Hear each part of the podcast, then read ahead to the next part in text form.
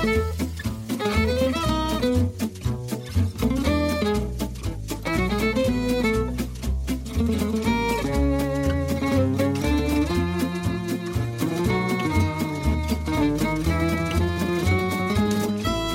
til en ny utgave av sykkelpodkasten Musett av og for procycling.no.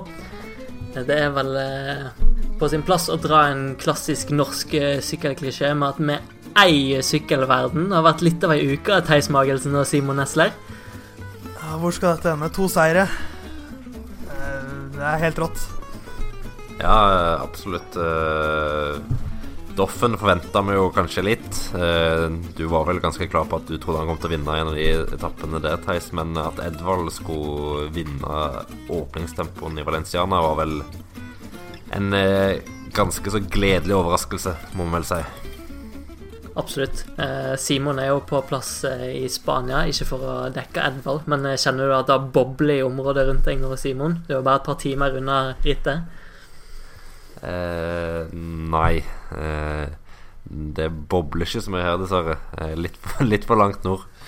I, i, I fjor, når jeg var her nede, da jeg var jo på Unvex sin leire, da Da var det faktisk ganske mange biler, lagbiler, som kom kjørende, men er vel et par dager for seint til det i år, tenker jeg.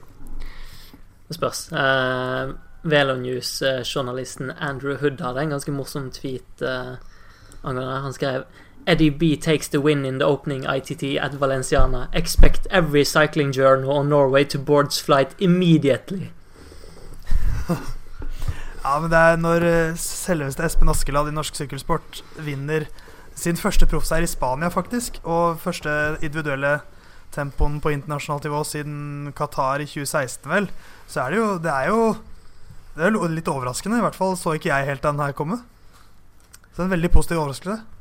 Veldig, veldig positiv overraskelse. Eh, som jeg skrev på, på Twitter her før deg Jeg kan tenke meg at det har litt å gjøre med at, eh, med at Dimension Data nå har fått, eh, fått BMC som sykkelleverandør. De har kanskje de, de råeste temposyklene eh, i, i sirkuset. Eh, og det tror jeg Edvald har eh, hatt veldig godt av, for eh, den Saveloen de har kjørt på siste året, har jo vært, har jo vært en del problemer. Eh, det var jo der hvor de Cavendish ikke helt uh, turde uttale seg for, i frykt for uh, juridiske konsekvenser. Så nå tror jeg de er på en topp, topp sykkel, og da, da viser Edvald med en gang at han fremdeles har et, en veldig god temposyklist.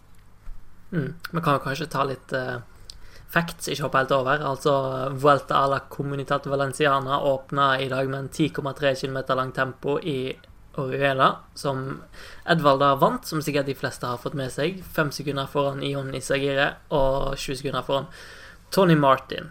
Og slo blant andre Jaron Thomas, Nelson Oliveira, Joss van Emden. Så det er rimelig solid nivå og gode ryttere han slo.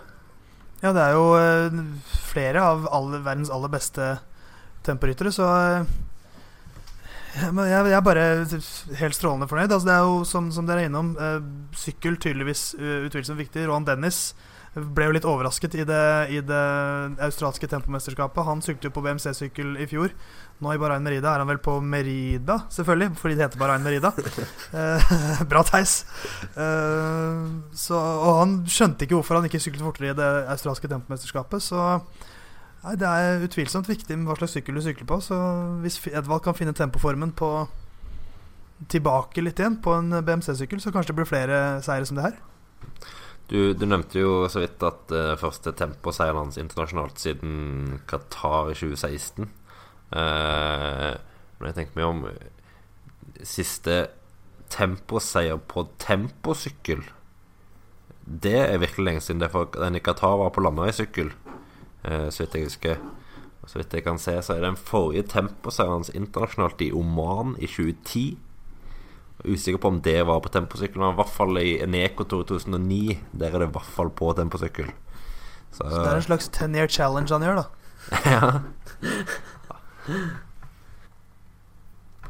Jeg hadde ikke noe mer enn det.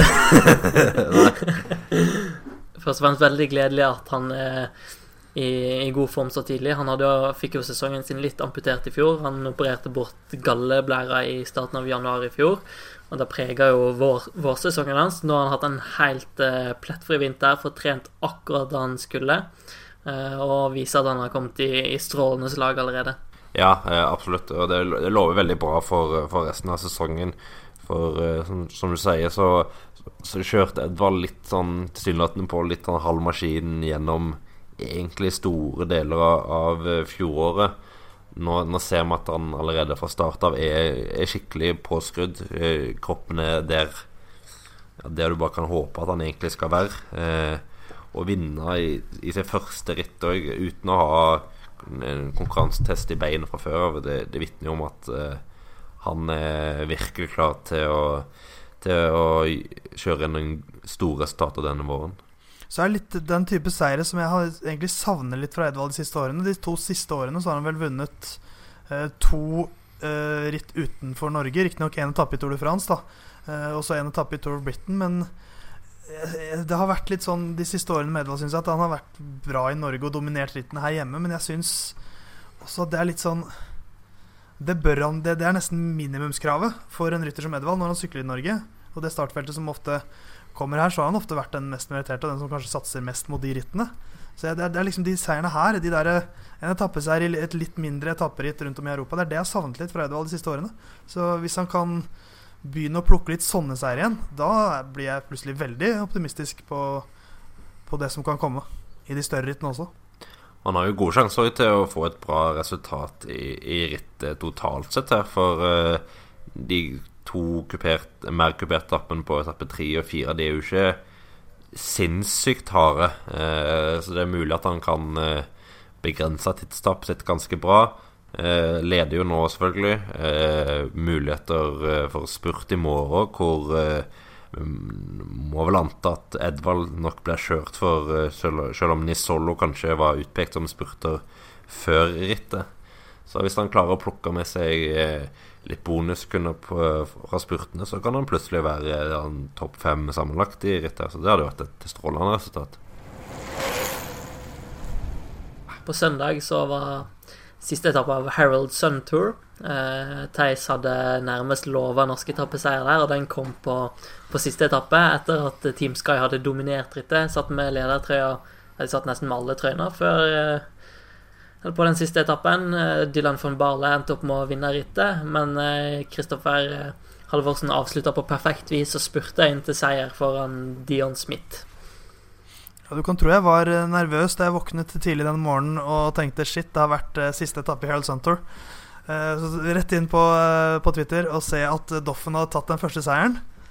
Da merket jeg at jeg ble veldig glad på ekte der jeg lå i senga mi var litt sånn groggy.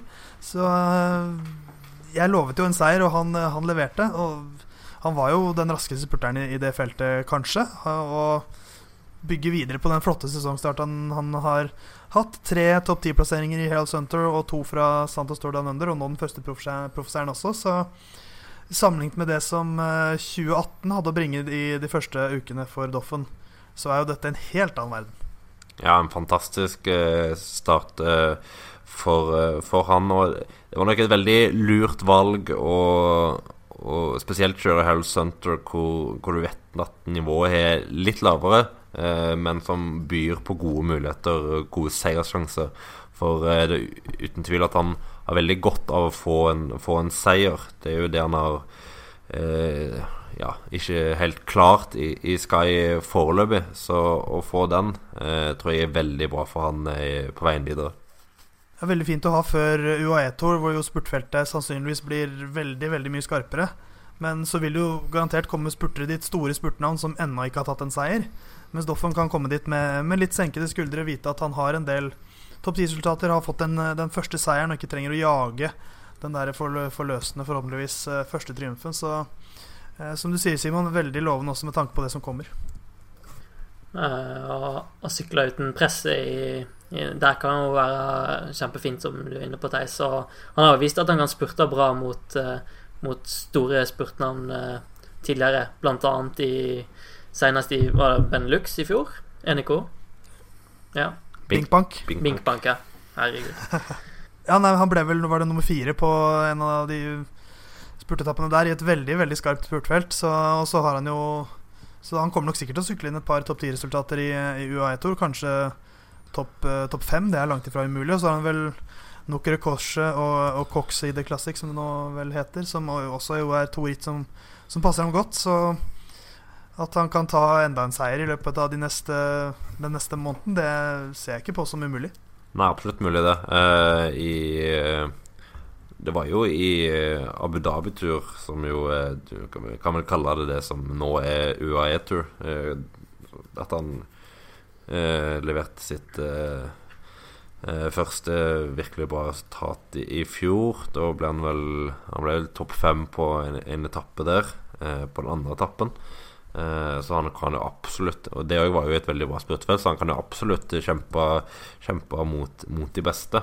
Eh, selvfølgelig for, for Doffen, som eh, har et skylag som jo ikke kommer til å gi han et opptrekk på fem mann med verdensklasseryttere, så må han jo klare seg sjøl. Da er det litt bingo, men at han får full klaff på en av de dagene og kan kjempe om en ja, i hvert fall plass på podiet, det, det tror jeg er veldig realistisk. Jeg snakka jo i forrige podkast Alt Heis og Simon snakka i forrige podkast om eh, sesongåpningen til Alexander Kristoff på Mallorca. Han sykla tre dager der. Eh, beste resultatet kom på søndag i Trofeo Palma, der han ble nummer 11. Marcel Kittel tok sin første seier på vel et, et år. Nesten nøyaktig et år siden sist. Eh, men Kristoff nådde ikke helt eh, frem til å kunne spurte om seieren der. Eh, du snakka vel med han forleden, Simon. Hva hadde han å, å si da? Eh, ja, jeg snakka med han Nei, han var, han var, han var ikke helt fornøyd med, med spurten på, på søndag. Eh, han eh, starta vel litt tidlig, kan vel si. I, i motvind så endte han opp med å starte spurten rundt 400 meter fra mål, så det det går, det går sjelden på. Han, eh, han sier sjøl at han ble ja, Han sier sjøl at han ble litt eh, lurt av, eh, av merkinga, som var ganske dårlig. Eh, det er jo for så vidt en fair sak, det, men han eh, burde kanskje klart å ha lært seg den siste kilometeren all den tid det var en uh, runde på slutten, i hvert fall. men ja, ingen merking fra kilometer, kilometersmerket før før du plutselig så målene seile rundt en sving. Så da ble det dårlig timing. så det, han var jo ganske misfornøyd med, med selve resultatet der, selv om spurten nok isolert sett, altså rene Rene om teknisk-fysisk var nok helt uh, ok, men uh, det hjelper ikke det når du starter en spurt med 400 meter i motvind. Da, da vinner du aldri. Ja, ja altså det jeg har sett folk allerede vært ute og meldt at nå er Kristoffer ferdig, eh, som de alltid gjør. Eh, men eh, jeg tror ikke man skal legge for mye vekt på én enkeltspurt heller. Det er altså, som, som, Simon er innom her, altså, det er så mye som kan skje. Eh, at, at, han gjør en tabbe i den første spurten, det har ikke så mye å si for hvordan hans eh, nivå er nå. Så eh, det ser jo selvfølgelig ikke veldig pent ut når han blir nummer 11 etter at uh, Gaviria har vunnet, etter at Philipsen har vunnet, etter at Consonni har sett veldig bra ut. At han da blir nummer 11 i hans første sjanse, det ser jo kanskje ikke helt bra ut. Men nå skal han sykle Valenciana, få flere sjanser der. Det, blir ikke, det blir ikke utenfor topp ti på hver spurt der, det føler jeg meg ganske trygg på. Så, så, men, men det er jo lite ekstra press han legger på seg selv da, med, med å ikke gripe den første sjansen. Ja, og det her er jo ikke et mas som kommer til å stoppe heller, så lenge, så lenge han ikke Altså så lenge han går og venter på den første seieren, som kommer det her til å være en uh, føljetong videre. Så Men spørs jo hvor masse han føler på akkurat det presset, da. Det handler jo først og fremst om de større rittene for han, men det er jo viktig å få en seier, da. Ja, han sa jo det òg, at altså, selvfølgelig er det jo et, det er jo et press for å få resultater, spesielt når lagkameraten har, har begynt så bra, men det er jo vårklassikerne som er hans hovedprioritet nå, nå på dette tidspunktet i sesongen, og da eh, ja, Jeg tror nok de legger inn ganske mye mer spesifikk spurttrening seinere, sånn. Nå er det mye mer kapasitet som er fokuset, og da da er, som du sier, Theis, da er det greit at eh, det blir kanskje litt bom eh, her og der i starten. For det, det handler om å komme i konkurranseform òg. Du, må- du må spisse inn detaljene, og, sånn at du har den timingen, timingen der den skal være. Det har kanskje lagt litt i kortene ei stund, men fredag så slapp altså UnoX nyheten om at de å at de har begynt prosessen mot å bli et pro Conti-lag. Skal se på mulighetene for det. Eh, og eh, norsk profflag har jo lenge vært sånn våt eh, drøm. Hushovd har prøvd. å Snakka om Statoil og ditten og datten. Eh, men etter hvert som UnoX har blomstra frem som eh, kontinentallag og satser mer og mer der, og de nå etter hvert nærmest driver som et eh, profflag, så har vel det bare vært en nyhet vi har gått og venta på. Ja, utvilsomt. Det er jo noe som har ligget i kortene en god stund, føler jeg, at det er det naturlige neste steget for dem. Så eh, meget gledelig, eh, til forskjell fra Husodd. Husodd var jo veldig fast bestemt på at dette skulle bli World Tour-lag med en gang. Mens her er det jo litt mer en, en slags eh, organisk vekst. Det har vært eh, helt fra starten at de har rustet opp litt etter litt. eh, fått en stor og fin buss, fått et veldig solid, solid apparat rundt det sportslige. og ryttere som ta, stadig tar steg og steg, steget til steg, så tydeligvis et godt miljø å være i sånn utviklingsmessig også. Så blir det jo spennende da, å se om, om de klarer å realisere dette. Jeg vil jo tro at når de har gått såpass eh, offentlig med at dette er en plan, så har de ganske tro på at de skal få det til, tenker jeg i hvert fall. Ja, jeg tror det skal veldig mye til for at det, for at det ikke skal bli gjennomført. Altså, de er jo i praksis eh, nærmest et pro Conti-lag i dag i form av det apparatet de har, størrelsen på rytterstallen de har. De har jo en eh, stall som er på grenseland mellom Conti og pro Conti allerede. Maksa ut Conti-grense. Så eh, de er veldig Jeg tror de er veldig godt forberedt for å ta det steget. Og det blir nok et veldig kjærkomment eh, steg for norsk sykkelsport å få fulgt et lite tomrom der hvor, hvor det ofte er vanskelig for, for våre beste kontinentalryttere å, å ta det steget opp til proffene. Nå, hvis UnoX går på Conti, så får du jo en mye, bedre mulighet til det. Og sånn rent, rent formelt eh, UCI jo, stiller jo enkelte krav til eh, som du må oppfylle for å kvalifisere deg til å få pro-conti-lisens. da. Eh, jeg tror de er litt strengere med World Tour enn pro-conti, men jeg tipper UnoX er ganske nær å oppfylle alle de kravene til, til UCI for å bli pro-kontinentallag. Eh, og det det står litt på, er vel eh, om du skal hente, hente ryttere eh, mer profilerte ryttere med mer erfaring fra proffverdenen. Nå har de jo Skjerping, som har vært ute i worldtouren, da, blant annet. Ja, men Det er vel det som er kanskje det som mangler. Ikke apparatet rundt, men det sportslige nivået. Men når, når fokuset hele tiden har vært på, på U23 og å utvikle U23-ryttere, så er det ikke så rart hvis da for en del så er kanskje Så kan man ikke forvente at de U23-rytterne skal bære på en måte det sportslige. De trenger ryttere som kan kjøre inn resultater også, ikke bare ryttere som skal utvikle seg. Hvis man da skal opp til et pro-conti-nivå, så skal man også være konkurransedyktige på det nivået. Så, så det må rekrutteres, men uh, så får man se om det da blir uh, hente norske proffer som er i utlandet nå, som uh, ikke på nivå med Kristoff og Edvald, men typer Holst Enger, August Jensen, Daniel Holgaard osv. Uh, og så supplere med, med danske ryttere. Det er jo også varslet at det kommer til å bli en del en, en, en, eh, dansk eh, del av laget også. Sånn så når jeg tenker nå Jeg, jeg tror jo ikke Uno X er et eh, spesielt mye dårligere lag rent sportslig nå enn f.eks. Rival. Det, de, de står ikke veldig mye tilbake for det.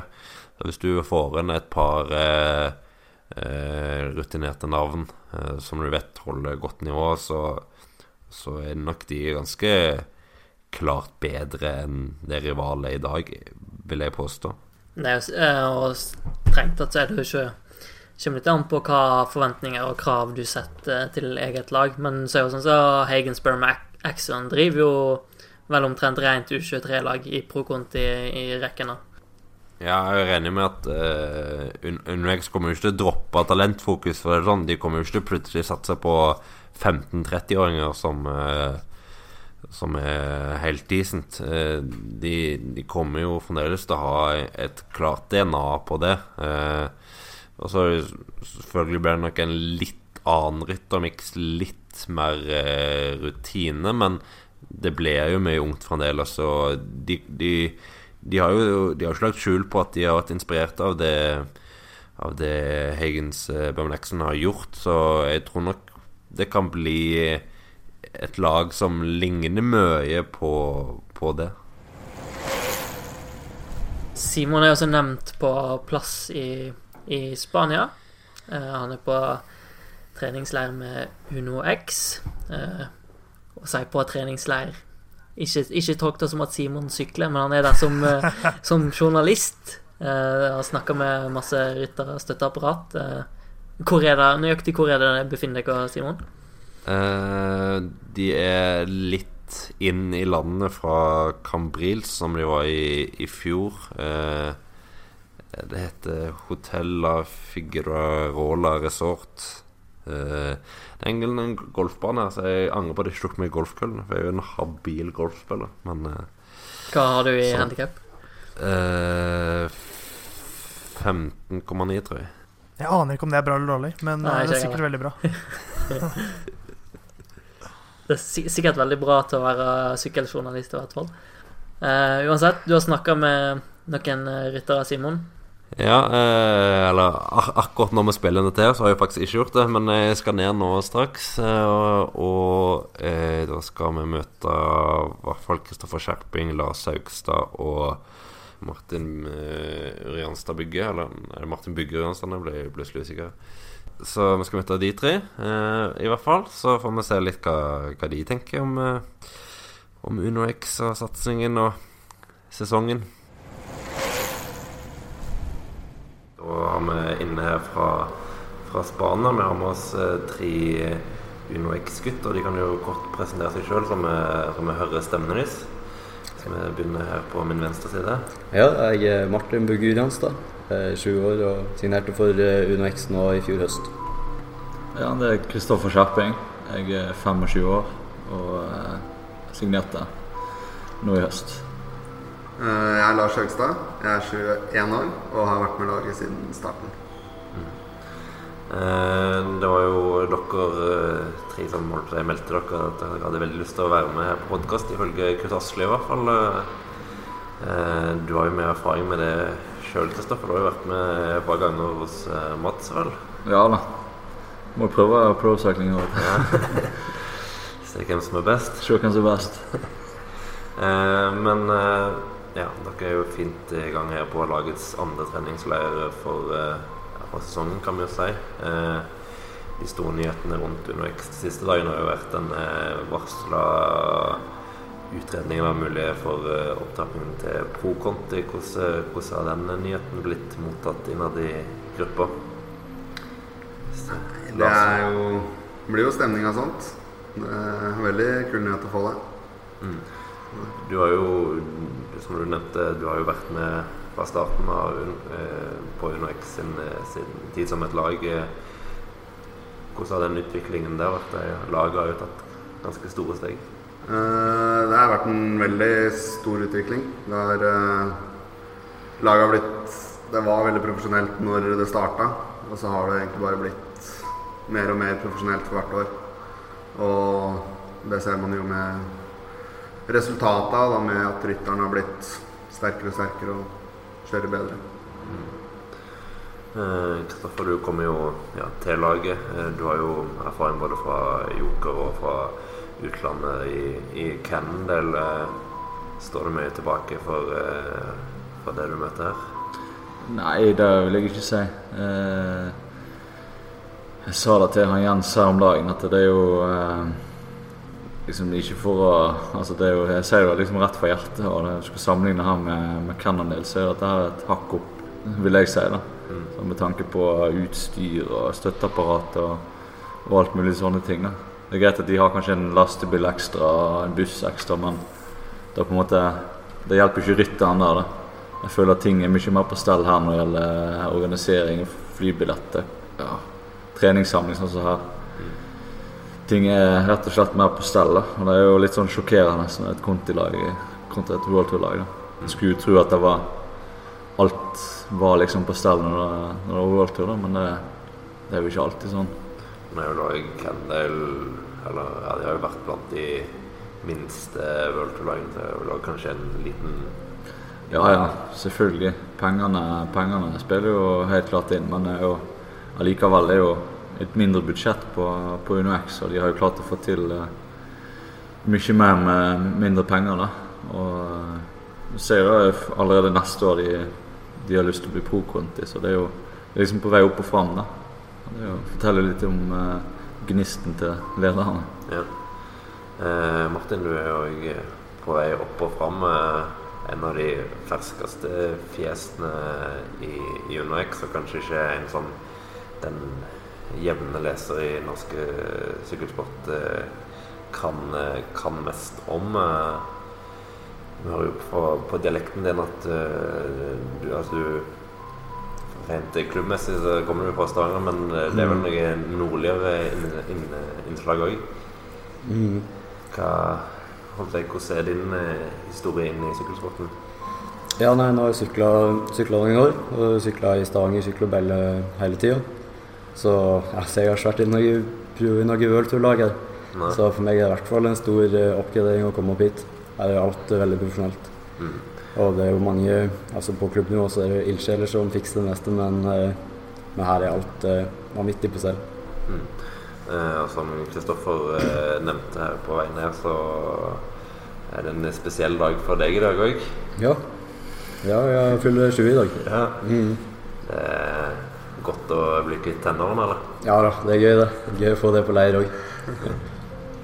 Fikk jo kaker til og med, det er ikke dårlig. Nei, Det har vært en perfekt bursdag. Perfekt eh, bursdag med en eh, treningstur på en eh, 15-16 mil. Ja, det er sånn det skal være. Eh, nå når vi nærmer oss eh, begynner å nærme oss sesongen, det er en måned til. Eh, ja, dere er ferdig med treningsleiren nå. Reiser hjem igjen på fredag. Eh, det, s- store forventninger innad i laget for at det skal bli en eh, god sesong? Ja, det er jo alltid det. Det er liksom sånn du trener på vinteren og føler alt går på skinner. Så jeg føler det blir sånn lik, litt likt hver eneste vinter før sesongen at du nå tenker at nå skal det skje, liksom. Endelig skal vi, skal vi få det til. Da. Så eh, du har utrolig store forhåpninger til, til sesongen. Og det, det virker som eh, alle tenker ganske likt der. Da. Og eh, det blir jo litt forskjellig start på på folk på laget her. Det jo en gruppe som reiser til Rådås, og så har du en gjeng som starter på, i Portugal.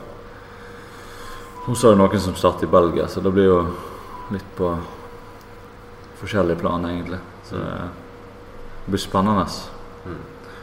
Du kom inn som, som nevnt som et, et virkelig rutinert og erfarent navn. Eh, Hva kan man forvente av, av deg denne sesongen? Nei, jeg har jo lyst til å få resultater sjøl.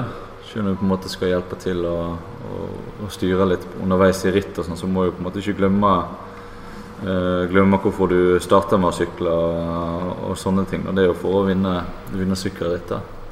Og uh, ser kanskje på muligheten her som uh, kanskje større enn på Joker da, til å få, få egne resultater. For det veldig mange like ryttere på, på Joker, da, og her er det litt mer, litt mer forskjellig. Da, så eh, føler jeg rom for uh, uh, Rom for uh, en, en type som, som meg som kan spurte litt, da, til å få skaffe noen resultater. Da. Ja, Anders Skårseth sa at du hadde vært den desidert raskeste på trening. Stemmer det? eller? Jeg har sikkert vært raskest i spurt, men jeg har ikke vært den raskeste bakkene. i hvert fall. Det kan jeg love deg. Nei, det er mange kvaliteter på laget. Det er det som er kult. Liksom, det er jo klatrere som er faktisk i verdenstoppen i U23. Og, og uh, allroundere på laget som, uh, som viser sinnssyk klasse. Da. Og det er jo Hvis de får, eh, laget får en bra sesong, så er det jo mange som kan, kan ta steget videre til World Tour. Eh, ikke bare pro-conti, men altså World Tour. Da. Så det er kult. Eh, Jeg snakket med Jens Haugland her for kanskje halvannen uke siden. Den, og vel eh, han, han trakk jo fram deg som en rytter som han syntes var, var veldig fint å se når du eh, presterte som du gjorde i, i fjor høst. Eh, tror du sjøl at det kan bli et bra for deg, eller? Ja, jeg håper jo det. Håper jo, håper jo å fortsette der i slutt, da. Med å, med å kjøre bra i de løpet som passer meg. Og kjøre bra for de klatrerne som eh, kan vinne store løp. Så det satser på at det blir et bra år. Ja. Eh, Skjerping melder jo Nei, du meldte jo fem seire på Skjerping. Hvor, hvor mange uh, seire melder Skjerping på, på Saugstad? Det blir om det er UCI eller bare seier. Nei, eh, Lars kommer sikkert til å få en, eh, en super sesong. Så liksom, det er så kult å se på utviklinga for de som har vært med på hele reisen. da, Spesielt liksom fra UnoX var, var nytt, da, å se de stegene de har tatt.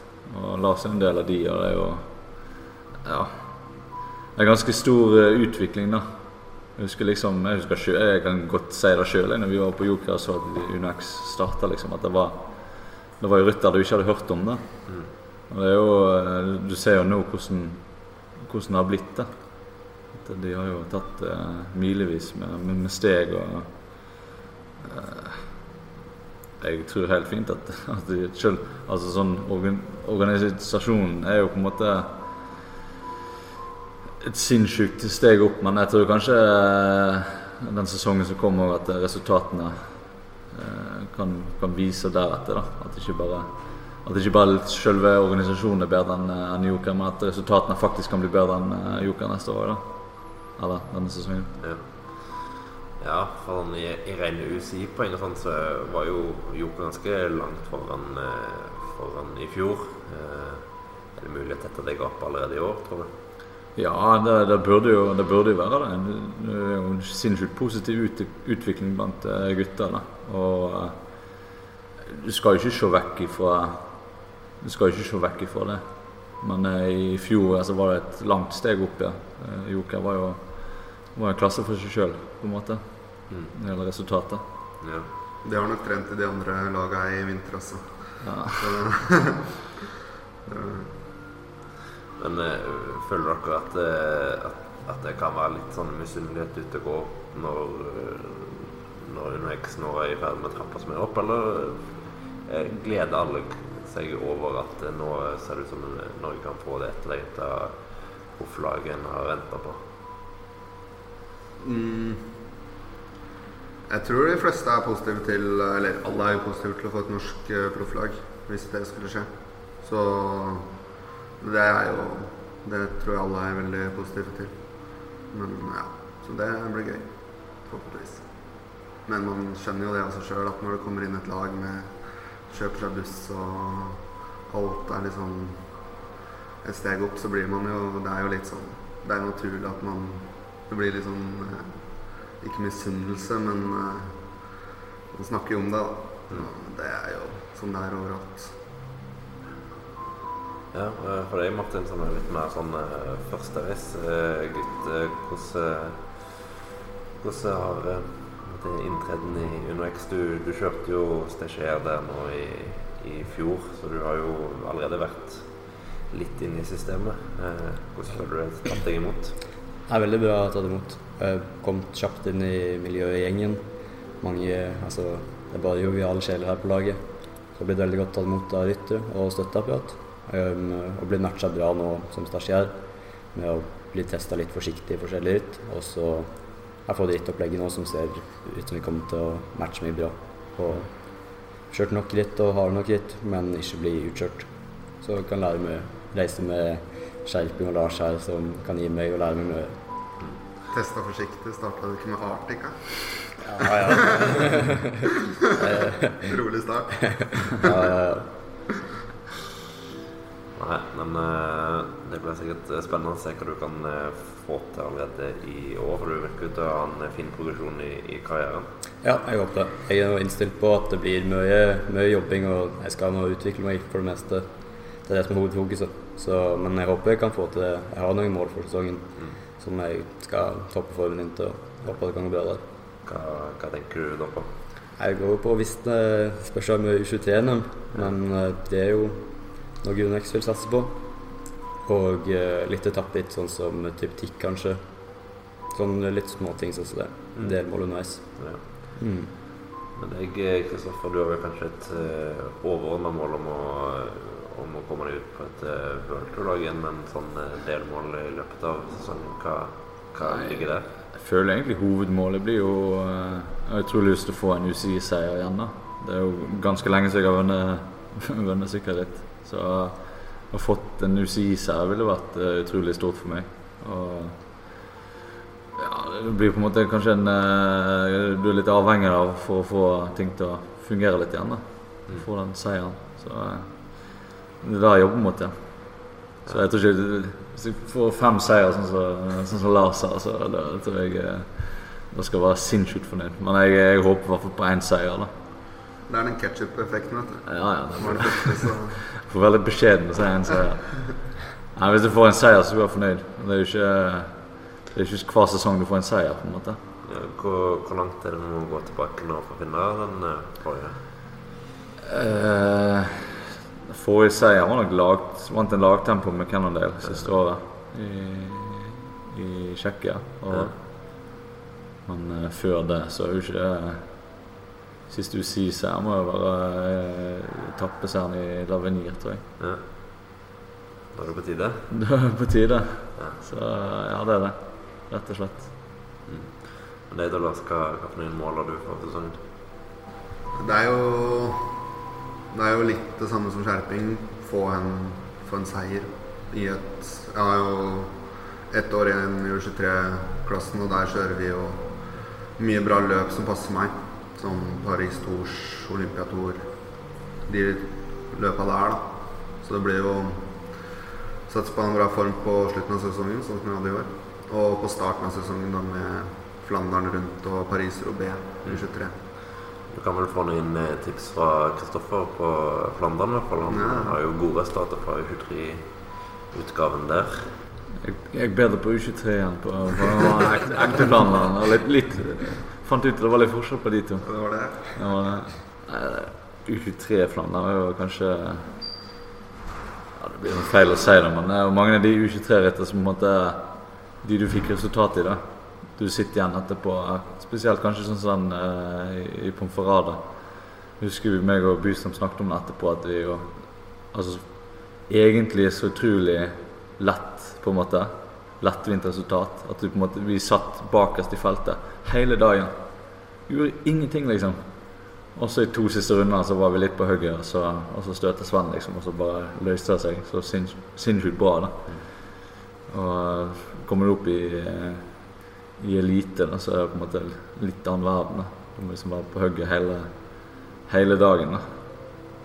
Så eh, savner i U23-rittet. ja, det, altså. Skulle skrudd klokka noen år tilbake. Ja, ja. Det, det var, det var utrolig fine, fine ritt for å utvikle seg, da. Og, og lære ting, da. Det var det. Så savner, jeg er helt klart savner U23-tida. Jeg, Så det er det lett bugge. ja, jeg ligger bak Flandern. Jeg ligger bak helt til finalerunden. da. Eh, tempo er jo noe du har eh, vist eh, mye bra på, Kristoffer. Du kom jo med til, til VM eh, og kjørte jo det. Ble vel en 40.-plass. Eh, og har du har jo signalisert litt at du ønsker å ha et litt fokus på det. Og i Mm. UnoX har det jo vært et ganske bra fokus på det. Eh, Ja, ja. Føler du har tatt noen steg på det? Eh, ja, på en måte så har jeg jo det. For det eh, har jeg ikke vært vant til før på samling og hatt med temposykkel sånn som nå. Så bare få brukt den litt på vinteren og hatt den litt hjemme og sånt. Det, det er sånne små ting som kanskje gjør en liten, liten forskjell. Og så uh, liker jeg å tro at utstyret har blitt, uh, blitt bedre, da. Og uh, ja, så er det drakt, hjelm Det er så mange faktorer som spiller inn. da. Og du samler alle de små faktorene, så kan det jo hende at du, du tjener noen sekunder her og der. da. Mm. Så ja, hvis jeg Hvis jeg er lenger bak Edvald på NM i år, så gidder jeg ikke å satse mer på tempo. Altså. Det blir litt sånn håpløst, føler jeg. Hvis du prøver hardt, altså. skal du bli knust med to minutter. Det Nei. Hvis du tar sølv og blir knust med to minutter Ja, jeg vet ikke, jeg. Det blir, jeg har sagt så mye rart jeg, det siste året. Jeg skal slutte å sykle hvis ikke jeg kommer med der og der. Men eh, ja. Jeg vet ikke. Det, jeg, håper i hvert fall jeg er litt nærmere, da. Det gjør jeg. Han viste jo uten tvil eh, god form i dag, Ja. kan si. Det gjør han. Så Alle får sånn nytt utstyr, han òg. ja. Hjelper, hjelper på det. Håper du får på utstyrseffekten er like stor for din del. Ja, det, vi håper jo på det. Så, men jeg har ikke sykla noe tempo til nå. Så, men eh, utstyret føles jo sinnssykt bra ut. Da. Det føles jo sinnssykt raskt, raskt ut. Da. Så uh, posisjonen er kanskje blitt enda bedre. Så ja, du får håpe på at det går riktig vei, i hvert fall. Martin? Mm. Uh, Han har ikke fått temposykkel. eh, Nei. Nei, så det er litt tidlig å ta mellom noen store resultater her. eh, Litt tidlig. ja. Eh, Først og fremst eh, fellesstarter som gjelder for deg enn så lenge. Ja, det er Ja. Eh, Hvor egentlig du Hvor egentlig du ser at du har din eh, beste framtid? Du, du virker som du går rimelig greit i flere typer terreng. Ja, jeg er litt, eh, litt allround og litt eh, udefinert som ryttertype. Jeg kaller det en grei spurt og ja, jeg vil vel egentlig definere meg som en puncher med litt Hvis det er litt motbakke, litt ja. Man har nok løype til at de rene spurterne faller av. Da er det det som passer meg best. Ja. Mm. Hvem, er, hvem er best av dere i, i bakkene nå for tida? Nei, det er jo skjerping. Oss tre. Så vi er ganske jevne i Han blir vel gruppette på oss. Ikke noe å skryte av best her. Du har ikke, du har ikke tatt med deg klatregutta på podkasten? Nei. Ja, vi sykler vi, vi, vi danner bakgruppe i bakkene. Problemet er at det er så mange som er så sinnssykt bra klatrere. da. Så det er jo eh, Så vi kjørte i bakketest her om dagen. Så er jo tida til eh, Tobias det, det er ganske bra, liksom. Forrige test vi hadde, så tok vel kummen ganske bra. Og så nå knuste han med ett minutt til, så det er jo Det er klasse på de klatrerne. Det er ikke tvil om. Ja. Eh, hvor gode er de? Gode nok til å egentlig kunne altså, Tobias spesielt, er han god nok til å egentlig kunne gått rett inn på et uh, Burn-lag i dag, sånn som dere ser det? Ja, det, det, det er jeg ganske sikker på. Ja. Så eh, Nå har jeg liksom siste år i U23 igjen. da. Så bruk, liksom bare bruker det godt og får seg litt ekstra resultater. da. Det virker liksom som å ha en liten fot innom eh, jumbo der, da, men det er jo langt fra liksom snakk til kontrakt. da. Mm. Jeg har sett mange Men eh, fy fader, ja, det er jo eh, Sånn som det ser ut nå, så har jeg en bra framtid foran seg. Ja. Og så, for din del, som jo eh, var to år eh, i utlandet, altså å vente tilbake, eh, hvor stor er den driven for å, for å komme ut der igjen? Nei, ja, det er alltid drømmen om å bli proff igjen. Den, den ligger jo der, helt klart. Så nå Nå virker det som Uno X blir eh, pro-konti neste år, da.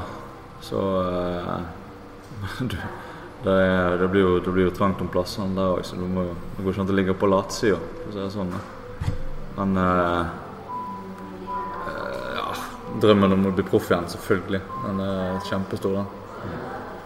Jeg måler litt å, komme ut eh, og bli proff på, på et eh, annet lag enn Uno X eh, neste sesong, eller ønsker du heller å være med opp til Proconti hvis det eventuelt skjer? Nei, du har jo lyst til å være med på reisen her, da. Samtidig så hvis du hadde fått eh, tilbud fra et eh, bra World Tour-lag, hadde fått tilbud for Candle igjen, så tror jeg jeg hadde takka pent nei. Men hvis du hadde fått tilbud fra et, et bra pro, eller et bra World Tour-lag, da. Selvfølgelig måtte du ha måtte du ha vurdert det. Eh, men sånn eh, å sykle på kontinentalt jeg er 35, det, det var vel eh, skrevet fra meg. Ja. Ja. Er det sånn at eh, hvis du ble værende på kontinentalnivå i et eh, om to-tre år til, så eh, sier du stopp? Ja, da, da tror jeg eh, Da må jeg finne noe annet å drive med. rett og slett. Du er uenig, Søgstad? Ja, jeg er enig. Sett, jeg har sett hvor mye han koser seg på samling nå, så det får ikke mer guttastemning enn her nå. Nei, men det var liksom bare sånn du En eller annen gang så må du kanskje finne deg en, en, en vanlig jobb. da Sykle kontinental, eller på en måte ikke Selv om du får betalt og sånn, så får du på en måte ikke Du får ikke fett betalt. Og det er jo, det er jo eh, lønning Eller det er jo Du har jo ting hjemme som skal betales for og eh, Ja. Jeg vet ikke. Det blir nok all in for å bli proff nå eh, nærmeste framtida. Så er det stopp for min del. Det er det. Var det, jo- det er jo en del av grunnen til at du valgte å gå til Unix for å få eh, sånn, eh, litt miljøskifte, et ny, Ja. ny vri på ting, at det kanskje skulle hjelpe deg. Ja, ja, helt klart. Det, det var det. Eh, Det er på en måte Hvis du får en liten forandring, så kan du det gjøre veldig godt for deg. Og jeg følte på en måte at Joker har gitt, gjort så utrolig mye for meg de siste åra, men det er jo av og til så må du liksom se litt nye veier for å Jeg følte kanskje det har stagnert litt for min egen del. da At sånn tempo og alt det der greiene her gikk greit, men eh, på fellesstart sånn, så har det liksom eh, vært langt bak mål, egentlig. da. Så eh, få et nytt miljøskifte, ny trener og litt nye sportsdirektører og sånne ting, da, jeg tror det er helt klart det kan, eh, det kan hjelpe. Eh, Vi har jo vidt innom eh, spurten den her eh, tidligere. Eh, Vi har ikke fått sett den så veldig mye de siste åra, egentlig. Nei. Eh, Tror du at du fremdeles har en eh, rimelig vass spurt hvis det kommer en sånn ja, gruppe på 50-60 mann? Ja, der vet jeg at jeg har det. Og der har ikke ting forandret seg. Det siste har kanskje bare blitt enda bedre. Så det er på en måte ikke spurten det står på. da. Nå har vi fått eh, Samarbeider vi faktisk med en sånn uh, to damer fra Mind, heter det. En sånn psykologteam da, som har vært der på samling med oss. og sånt, Så på en måte skal hjelpe oss litt med motivasjon og ja, hvis du har frykt eller sånne ting. da, Så jeg, for min del har kanskje vært litt den frykten i, i spurten som har vært problemet. da. Og det var masse spurtgreiene det er liksom ikke aktuelt i det hele tatt, egentlig. Ja, Du hadde jo en rimelig stygg velt ganske tidlig i karrieren din. spurte hvis Ja. rett. Er det sånn som eh, setter, setter en litt tilbake mentalt? eller? Ja, selvfølgelig. Du får liksom mindre lyst til å spurte eller hive deg på de der 200 mann, eh, alle mann til pumpa. Full pupp. Nei, det eh, Du får mindre lyst til å spurte da, ja. Så det er kanskje det som ligger litt, ligger litt igjen, da. Så, men jeg prøver å jobbe litt mer da, og, og eh, ja, gå litt inn i hva som egentlig er problemet. da. Så det virker som det hjelper veldig, da. Ja. Så nå får vi se de vinne par massespurter. Ja, Ikke, kanskje ikke masse spurt, men jeg bare se om jeg spurte her, i hvert fall. Det er- er målet. Det ble vel en del sjanser på deg òg nå som eh, Spesielt siden Syr Værsted jo ikke kom inn i sesongen i, i Ja, der han jo Ja, normalt sett ville vært om det ikke hadde vært for den eh, kollisjonen. helt klart. Syver er jo eh, var jo på en måte den spurteren på laget i, i fjor, så eh, det blir jo det blir nok av muligheter. Så det er ikke det jeg skal stå på. Det er det ikke. Men jeg liksom må gripe det i år, da. Ja. Tror dere uh, UnoX ender opp med å bli et uh, prokontinentallag til neste år? da? Ja, jeg tror vel det. Eller eh, altså eh, Vi vet ikke noe mer enn det dere andre vet, si, men eh, jeg tenker jo det at de hadde ikke gått ut på den måten hvis de ikke hadde hatt i hvert fall en grei plan på det. Mm. Og et klart mål. Så det er vel mer opp til eh, oss ryttere å vise at vi er eh, klare for det. da. Vi har jo veldig sånn utvikling, utviklingssyn på det. Du er jo fremdeles eh, Du er jo ikke blant de Selv om du eh, begynner å se deg opp som en eh, mer og mer solid rytter, så er du ikke blant de største stjernene på laget. Det sånn litt, litt kamp sånn innad i laget nå for å, for å sikre seg en plass hvis det blir fotball? Det kommer det til å bli, tror jeg. Det er jo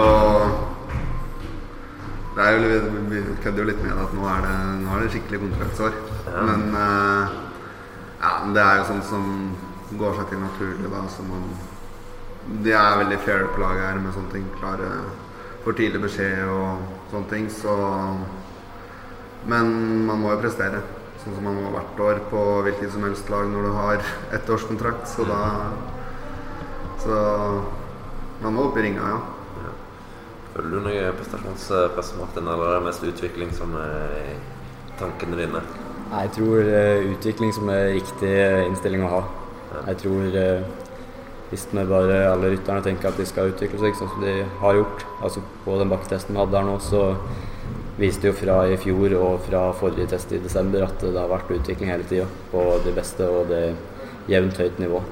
Så jeg tror ja, som lag og som rytter òg, så er det bare utvikling som, som må stå i fokus. Så tror jeg det skal gå seg til. De er klare på at de, de vil ha stammen i det laget som er nå. Så det er bare opp til å sitte der sjøl. For, uh, for din del uh Gleder du deg til å komme i, gang med sesongen nå? eller? Ja, det blir gøy. Ja. Det er nok trening nå på vinteren, så det blir gøy å få litt, uh, litt show. Ja. Løpet Arendal begynner å krible i, i beina? eller? Ja, det gjør det. Alltid ja, på den tida her og kommer her til jul, så begynner det å krible greit i med fotene. Ja. Er det noe du savner proffliv og sesongstart i, i januar-februar? Ja, det er jo alltid godt å komme i gang, da. Det er det.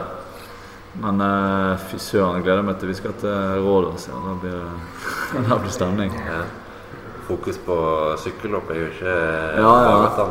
Det blir jo, vi skal jo ned en, eh, en uke før, eh, før det, så det blir jo, det blir jo litt treningssamling òg. Så jeg tror det blir en grei start på sesongen. der. Du gleder deg til å komme i gang, Lars? Ja, gleder meg. Jeg får ikke, får ikke dra til eh, varmen, men jeg skal kose meg i Belgia, jeg. Ja. Kose meg i regn og sånn. Lars er reserve til Rådås. liksom, drøm, drømmen hans var med til Rådås, men han får ikke lov. Så hadde vi, vi, hadde en, vi hadde en velt her nå for uh, fire dager siden. Så liksom vært litt sånn Kom inn i seg til Rådås eller ikke? sant? For Vi har hatt en har litt hjernerystelse. Så uh, Lars han liksom Han vil veldig inn, da. Så, men det var ikke Lars som lagde velten. Det var det ikke. Det var ikke. Så kan jeg står bak deg. Ja, ja, det kan være. Jeg har vært på Rådhus to år, og det er, eh, det er fint å sykle her. Overraskende bra å sykle her og ha fint løp og bra vær. Så det, Så lenge en unngår uh, motorsykler imot. ja, så lenge det ikke kommer motorsykler imot. Så det stemmer det. Det var litt kaos her første året, men i fjor så var det veldig bra. Så jeg tror det blir uh, Jokershow litt. Ja. Så det blir gøy. Fint løp. Er det du ender opp med å starte i Belgia? Er det Kermesritt, eller er det Ja, starte med de Kermisløpa, og så videre til Normandie. Skal du banke, banke plater? Ja, det er det det er det det blir. Holde meg i Belgia der det er flatt. Eh, Sykkelcross har jo vært eh, ganske fast innslag her hos oss etter hvert gjennom vinteren. Eh, sesongen kulminerte i helga med VM i Bogense i Danmark. Eh, og med veldig spennende, spennende ritt. Eh, Theis fulgte jo selvfølgelig spesielt med som eh, vår CX-ekspert i Muset. Eh, jeg vet ikke om det er noe spesielt du vil trekke frem fra, fra helga, Theis? Kanskje mer entusiast enn ekspert, men, eh, men jeg syns det var eh, underholdende mesterskap i, eh, i eh, Bogense. Eh, Jeg vil trekke fram eh, kvinne, kvinnenes eliteritt først. Det var kanskje det mest spennende rittet, egentlig, i, i helgen som var. Sanne Kant vant sitt tredje strake VM-gull i kamp mot fire nederlandske kvinner mot slutten her. Var meget smart. Lucinda Brand, som vel var den største favoritten, og kanskje den sterkeste rytteren i det rittet. Hun tabbet seg ut i hvert fall tre ganger. Eh, Den mest skjebnesvangre var da hun skulle gjøre et sykkelbytte. Hadde ikke klikket ut den ene pedalen. Gikk på snørra. Eh, var ganske raskt opp igjen, men røk kanskje en fire-fem-seks sekunder. Sanne Kant eh, fikk det med seg. Eh, dunket til i fronten og eh, kjørte teknisk briljant de siste rundene. Eh, Lucinda Brand gjorde ikke det. Eh, så det, da ble det endte som det endte, at Sanne Kant tok en litt overraskende VM-seier for tredje år på rad. Lucinda Brand tok sølv. Og en ganske skuffet Marianne Voss. Hun ble nummer tre eh, og klarte vel da ikke å ta sitt eh, syvende eller åttende VM-gull, eller hva det er hun er på nå i cyclocross. Hun har jo vunnet ekstremt mange ganger, men Sanne Kant, eh, altså den smarteste. Lucinda Brand, den, den sterkeste.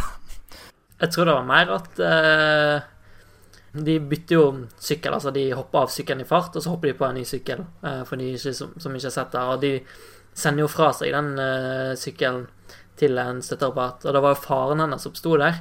Og jeg tror det var han som dreit seg ut og sto, kom litt for tett på, sånn at hun gikk på trynet. Fordi det var, Ja. var vel en sak på Cyclinghus der hun sa at hun måtte, hun måtte bare tilgi faren sin.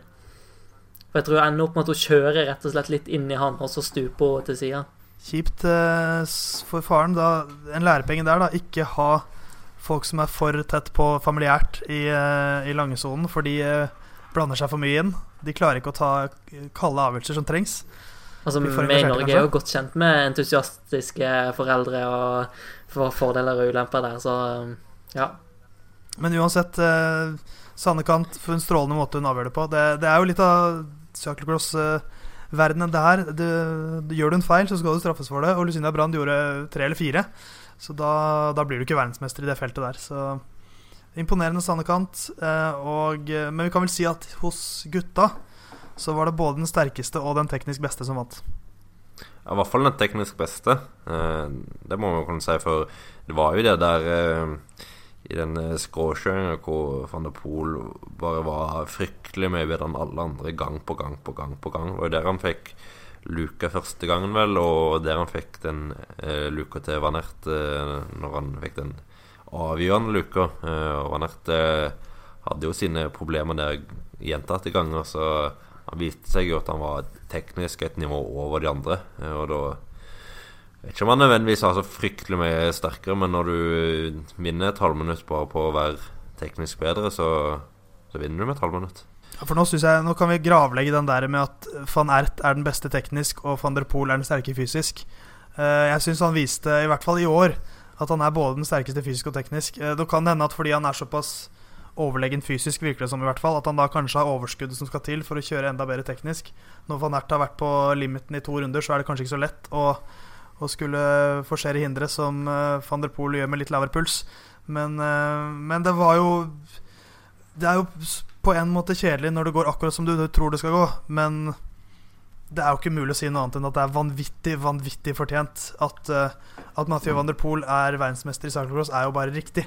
For han har jo vært den klart beste uh, cyclocrossrytteren de siste sesongene. Så at han endelig fikk den, det fortjente han. Og da han gikk av sykkelen sin uh, like før målstreken og bar den over og jublet Jeg har aldri sett han juble så mye for en seier før. Så det, det er på en måte godt at han viser at det betyr litt for han også. At det ikke bare er en lek. Det er liksom den, den, den, satt, eh, den satt i hjertet, den her også. Mm. Det, det er kanskje lett å forstå. Han vant vel i, i 2015, første året både han og van Ert kjørte i seniorrekene. Droppa U23-rittet for å kjøre i seniorrekene, gikk rett inn der og vant. Så han bomma tre ganger nå, derfor at uh, van Ert har, har tatt han, selv om han har vært eh, stort sett den beste. Så jeg tenker det betydde veldig, veldig, veldig masse. Ja, ingen tvil om det. Så må vi også gi litt skryt til Ton Ert, syns jeg. eh, Som vant jo UCI sin verdenscup. Eh, Avgjorde i siste runde, tok, tok igjen eh, van Ert der. Og han, han har jo en sånn unik evne til å stå distansen. Van Ert forsøkte jo å følge van der Poel, klarte ikke det. Ton Ertz var jo hekta lenge før, men han kom, sleit seg nærmere van Ert runde etter runde og var jo forbi han på den siste runden. Så i den aller siste utforkjøringen, vel, så bommer han fullstendig på svingen og går i bakken og og tar bronsemedaljen da bak eh, van Ert. Så han får en veldig fortjent medalje, men han burde jo da klart å bli, bli nummer to. Men, eh, men også en rytter som har eh, vist at han kan være på nivå med, med de to antatt beste. At han i hvert fall er på nivå med van Ert i denne sesongen. Så er van der Poel på et helt annet nivå, egentlig. Og Ert sa vel òg at han har han har mye bra å se frem til i årene som kommer, ettersom van der Poel og van Ert begge to eh, dreier mer og mer mot landeveien. da. Ja, han kan bli konge i en, eh, i en litt eh, mindre dam mens de prøver seg ut i den store, skumle landeveisverdenen. Så vet han at i Belgia så er cyclocross eh, eh, ekstremt stort. Så hvis han fortsetter å gjøre det bra der, så kommer han til å bli en folkehelt i, i Belgia. Det er det ingen tvil om. Det er spaltetid. Våre, våre to kjære spalter. Håper de er blitt litt kjære etter hvert. Vi syns i hvert fall det er litt moro. Eh, og vi starter i, på, den, på den dårlige sida med, med Lanterne Rouge. Uh, og eh, da vil jeg Det er min tur i dag. Uh, og da vil jeg gjerne trekke frem dr. Richard Freeman. Uh, bedre kjent som mann som ikke vet hvordan Dropbox fungerer. Uh, den her Ja, som starta med Jiffy Bag-saken for år og dag siden, og som har rulla godt gjennom høringer og det ene og det andre. Eh, Freeman eh, var jo da i den bussen på Latosuir med, med Wiggins, visstnok, når de mottok den Jiffy-bagen. Eh, og han òg var ansvarlig for at eh, Eller ansvarlig, ansvarlig. Dukka plut plutselig opp testosteronplaster eh, hos eh, British Cycling. Og det er jo nå der den siste greia går på. da Den skal i høring i General Medical Council, som vel er sånn medisinsk utvalg i Storbritannia, der de skal vurdere om de skal ta fra han eh, lege, legelisensen sin, da. Eh, det her er veldig spesiell eh, fyr, da, som droppa parlamentariske høringer for et par år siden. Fordi han var, han var sjuk, slites litt med mentale helse. Så han kunne ikke møte opp for å få klare seg der. Litt etter gav han ut bok. Eller litt etter, litt, stund, litt eh, tid etter, så ga man ut bok. Uh, og i dag skulle, skulle denne uh, høringa for General Medical Council starte. Uh, og vi kan jo gjette hva som, hva som skjedde der. Theis, vil du har du noen gode tips? jeg elsker å spille på høy odds, så jeg satser på at han møtte opp skoleflink et kvarter før det skulle starte. Klar med alle notater og alt som trengtes. Så så klart det gjorde han ikke, da. ah, han, shit, nesten, åh, nesten, riktig. Nesten, ja. Det var 50-50. nei, møtte ikke opp der, da. Sørger for å få en, få en utsettelse i, i stedet for. Uh, ja. Simon, har du noe fint å si om fyren, eller? Nei. Kort og konsist. Kort og konsist. Så Og nå, bare for å ta det, så mener vel de General Medical Council at han har bevisst De hevder jo at eh, de testosteronplasterne var sendt til British Cycling i Manchester ved en feiltagelse som i seg sjøl høres veldig, veldig, absurd ut. Men eh, General Medical Council mener jo da at de har, har beviser for at Freeman har bestilt det for å bruke på én eller flere ryttere, det er uvisst. Eh, og så har de jo seinere fått en bekreftelse fra eh, det her firmaet som har levert det, på at det var feilsendt. Men den bekreftelsen er bare noe Freeman har bedt om, da, uten at det er sendt tilbake, mener de, da. Så jeg tror vi er alle enige om at eh, han kanskje fortjener å miste den lisensen sin. Det er en bøtteballett der og en sånn unnvikenhet som ikke får ham til å se så veldig bra ut, i hvert fall. Så er det jo alltid vanskelig å skille liksom, rykter og sannheten og alt mulig. Sånn bøtteballett som det her er vanskelig å skille fakta fra rykter osv. Men det ser jo ikke bra ut. Det er vel utvilsomt. Nei, og en lege skal vel strengt tatt ha orden på sakene sine. Ja, jeg tror ikke jeg hadde valgt han som fastlege hvis, hvis det hadde vært så mye styr. Du hadde gått, papirer og Du hadde gått for doktor Ødker, du, Theis. Ja, det er min fastlege, faktisk. Hei, radioresepsjonister. Tull og tøys i britisk eh, legeforening. Eh, vi hopper over til litt eh, lystigere ting hos eh, Simon, direkte fra Spanien. Ja, eh, jeg har valgt eh, meg ut en mann som eh, er blant verdens aller, aller beste sykkelryttere, men som heller ikke større enn at han hjelper lagkameratene han tror de har bedre sjanser. Og det fikk vi se et veldig fint eksempel på fra Petter Sagan i, i Volta San Juan hvor Sam Bennett ble hovedspurteren til Bora, og Sagan leverte jo noen sugende opptrekk, for, for å si det mildt. Uh, spesielt den eh, på den første etappen der hvor han eh, åpner et opptrekk med 400 meter igjen og er fremdeles side med side med Gavira når det er 100 meter igjen, så eh, hadde han gått for spurten sjøl, kunne han sikkert vunnet den òg. Eh, så jeg er veldig Jeg syns det er veldig viser stor spørsmål når han, eh, når han eh, lar lagkameratene få den muligheten, for han, han er jo tross alt en såpass stor stjerne at han Hvis han hadde bedt om å få muligheten, så hadde han fått muligheten. Eh, og ender jo opp med at eh, Sam Bennett vinner siste etappen etter at Sagaen igjen har vært eh, godt delaktig i opptrekket, så han skal få min lille hyllest denne uka. Det snakket vel om det, mm, Du og Theis snakket vel i forrige podd om verdens beste opptrekker. Det sleit litt med å finne tredjemann. Har funnet den nå, da, kanskje?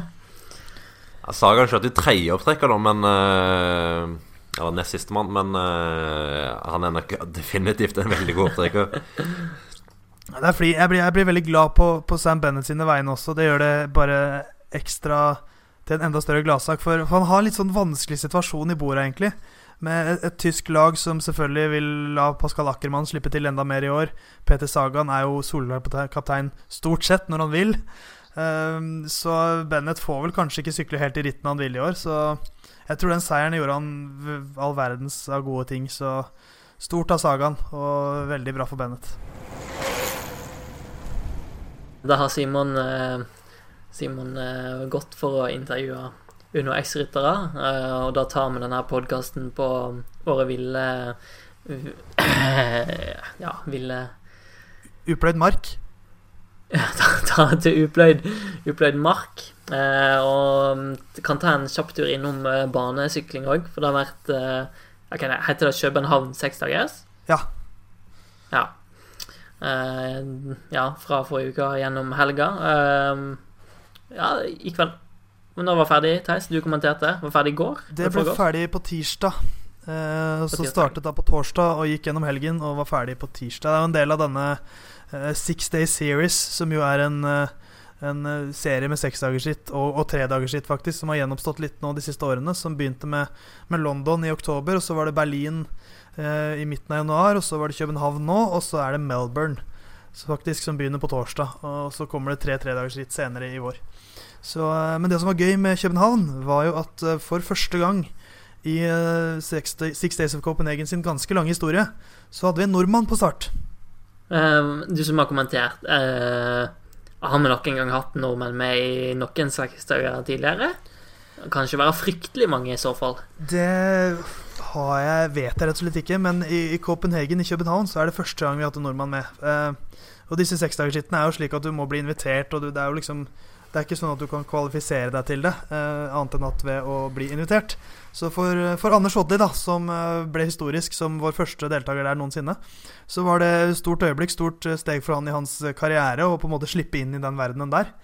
Og ikke Det dreier seg ofte om mesterskap osv., også UCI sin verdenscup osv., men dette er jo noe som står litt ved siden av, som er litt mer sånn preget av show og moro og og alt er ikke alltid like seriøst, men det er altså et skikkelig blodslit. Det er seks dager med knallhard sykling. Eh, den lengste øvelsen de hadde, eh, gikk på, eh, på mandag. Da hadde de en Madison-øvelse på 300 runder, eller 75 km. Og den, med den frenetiske frekvensen og låst gir osv., så, videre, så så er det ganske brutalt. Så spesielt første dagen, da, hvis vi går tilbake dit, da ble det en litt, litt krevende start for Oddly, tror jeg. med med en ganske lang Madison-øvelse som første øvelse. Men jeg syns virkelig han fant, uh, fant rytmen uh, gjennom rittet. Syklet da i par med danske Sebastian Lander, som er en veldig rutinert uh, banerytter. Um, og spesielt mandagen. Det ble jo på en måte Oddly sin, sin dag. Da vant han jo først, først Longest Lap, som jo er en litt sånn spesiell showøvelse, hvor de skal bruke så lang tid de kan på en halv runde. Stoppe foran målstreken, drive med trackstand osv.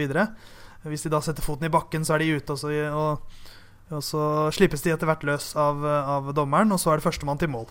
Så han vant den, eh, og vant også Giant Sprint, som er enda mer show, hvor det er ti runder. De fem-seks første rundene så sykler rytterne på rekke og tar, eh, tar bølgen osv. Klapper, og publikum er skikkelig med, så det er jo show. Og så er det en bra spurt til slutt. Så eh, han vant de to. Og laget hans ble da nummer tre i denne lange Madison-øvelsen, som var med handikap. Som eh, gjorde at det, det blir litt jevnere mellom de beste og de litt svakere lagene. Men eh, de klarte å forsvare seg og ble nummer tre. Så spesielt mandagen, der var Anders Odli veldig bra. Det er jo kjempegøy at han blir invitert til det. her, de her seksdagersrittene har jo ganske høy status blant uh, banerytterne. Uh, og uh, Odli, som har styrt på rundt i Europa og, og sånt i årevis, på, tidvis på helt eget initiativ fra helt egen lommebok, fått veldig lite hjelp av forbundet. og åpenbart ekstremt lidenskapelig for banesyklinga. Han klarte Han var sjuk i fjor.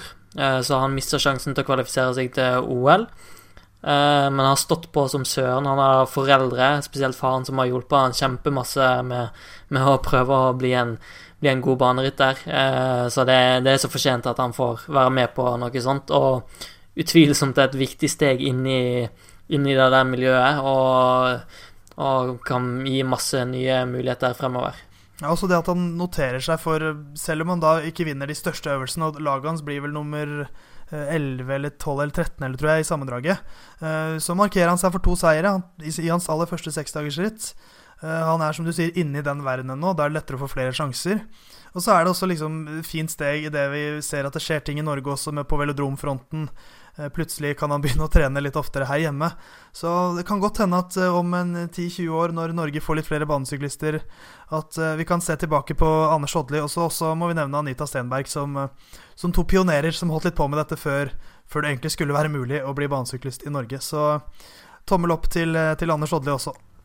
Et, et, lite ekstra rødt startnummer, ja. startnummer til, til Odli og til Stenberg. Yes, da lurte vi inn en liten uh, bit der etter Simon stakk, uh, om litt banesykling. Og da tenker jeg det er på tide at vi, vi avslutter uh, og ruller Eller gjør klar rullebaner for Theis sin sedvanlige plugg. Det er dags for vanlig plugg. Det fortsetter å tikke inn rangeringer på iTunes. Det setter vi enorm pris på. Eh, det er veldig gøy å se at, eh, at eh, det er flere og flere som syns det er gøy å høre på Musett. Så jeg oppfordrer alle til å gå inn på, på iTunes, ranger podkasten vår, last ned, abonner. Så last ned, ranger, abonner. Vi har fått litt meldinger og sånt i det siste, og spørsmål, og det syns vi er helt vanvittig morsomt. Så det er bare til å Send DM, PM, uh, mention uh, Ja, whatever. Hvor som helst vi finner det. Bare til ja, bare til å være interaktiv. Vi syns det er kjempemorsomt. det er eh, Simon. det, er, det, er, veldig gøy, så send oss på Twitter eller på, på, Facebook eller hvor det måtte være. Så skal vi svare på det så godt vi kan, hvis dere har spørsmål eller innspill til podkasten vår. Yes. Eh, så takker for at du hørte på i dag. Takk til Theis for følget og Simon som var med. Og så eh, snakkes vi neste uke.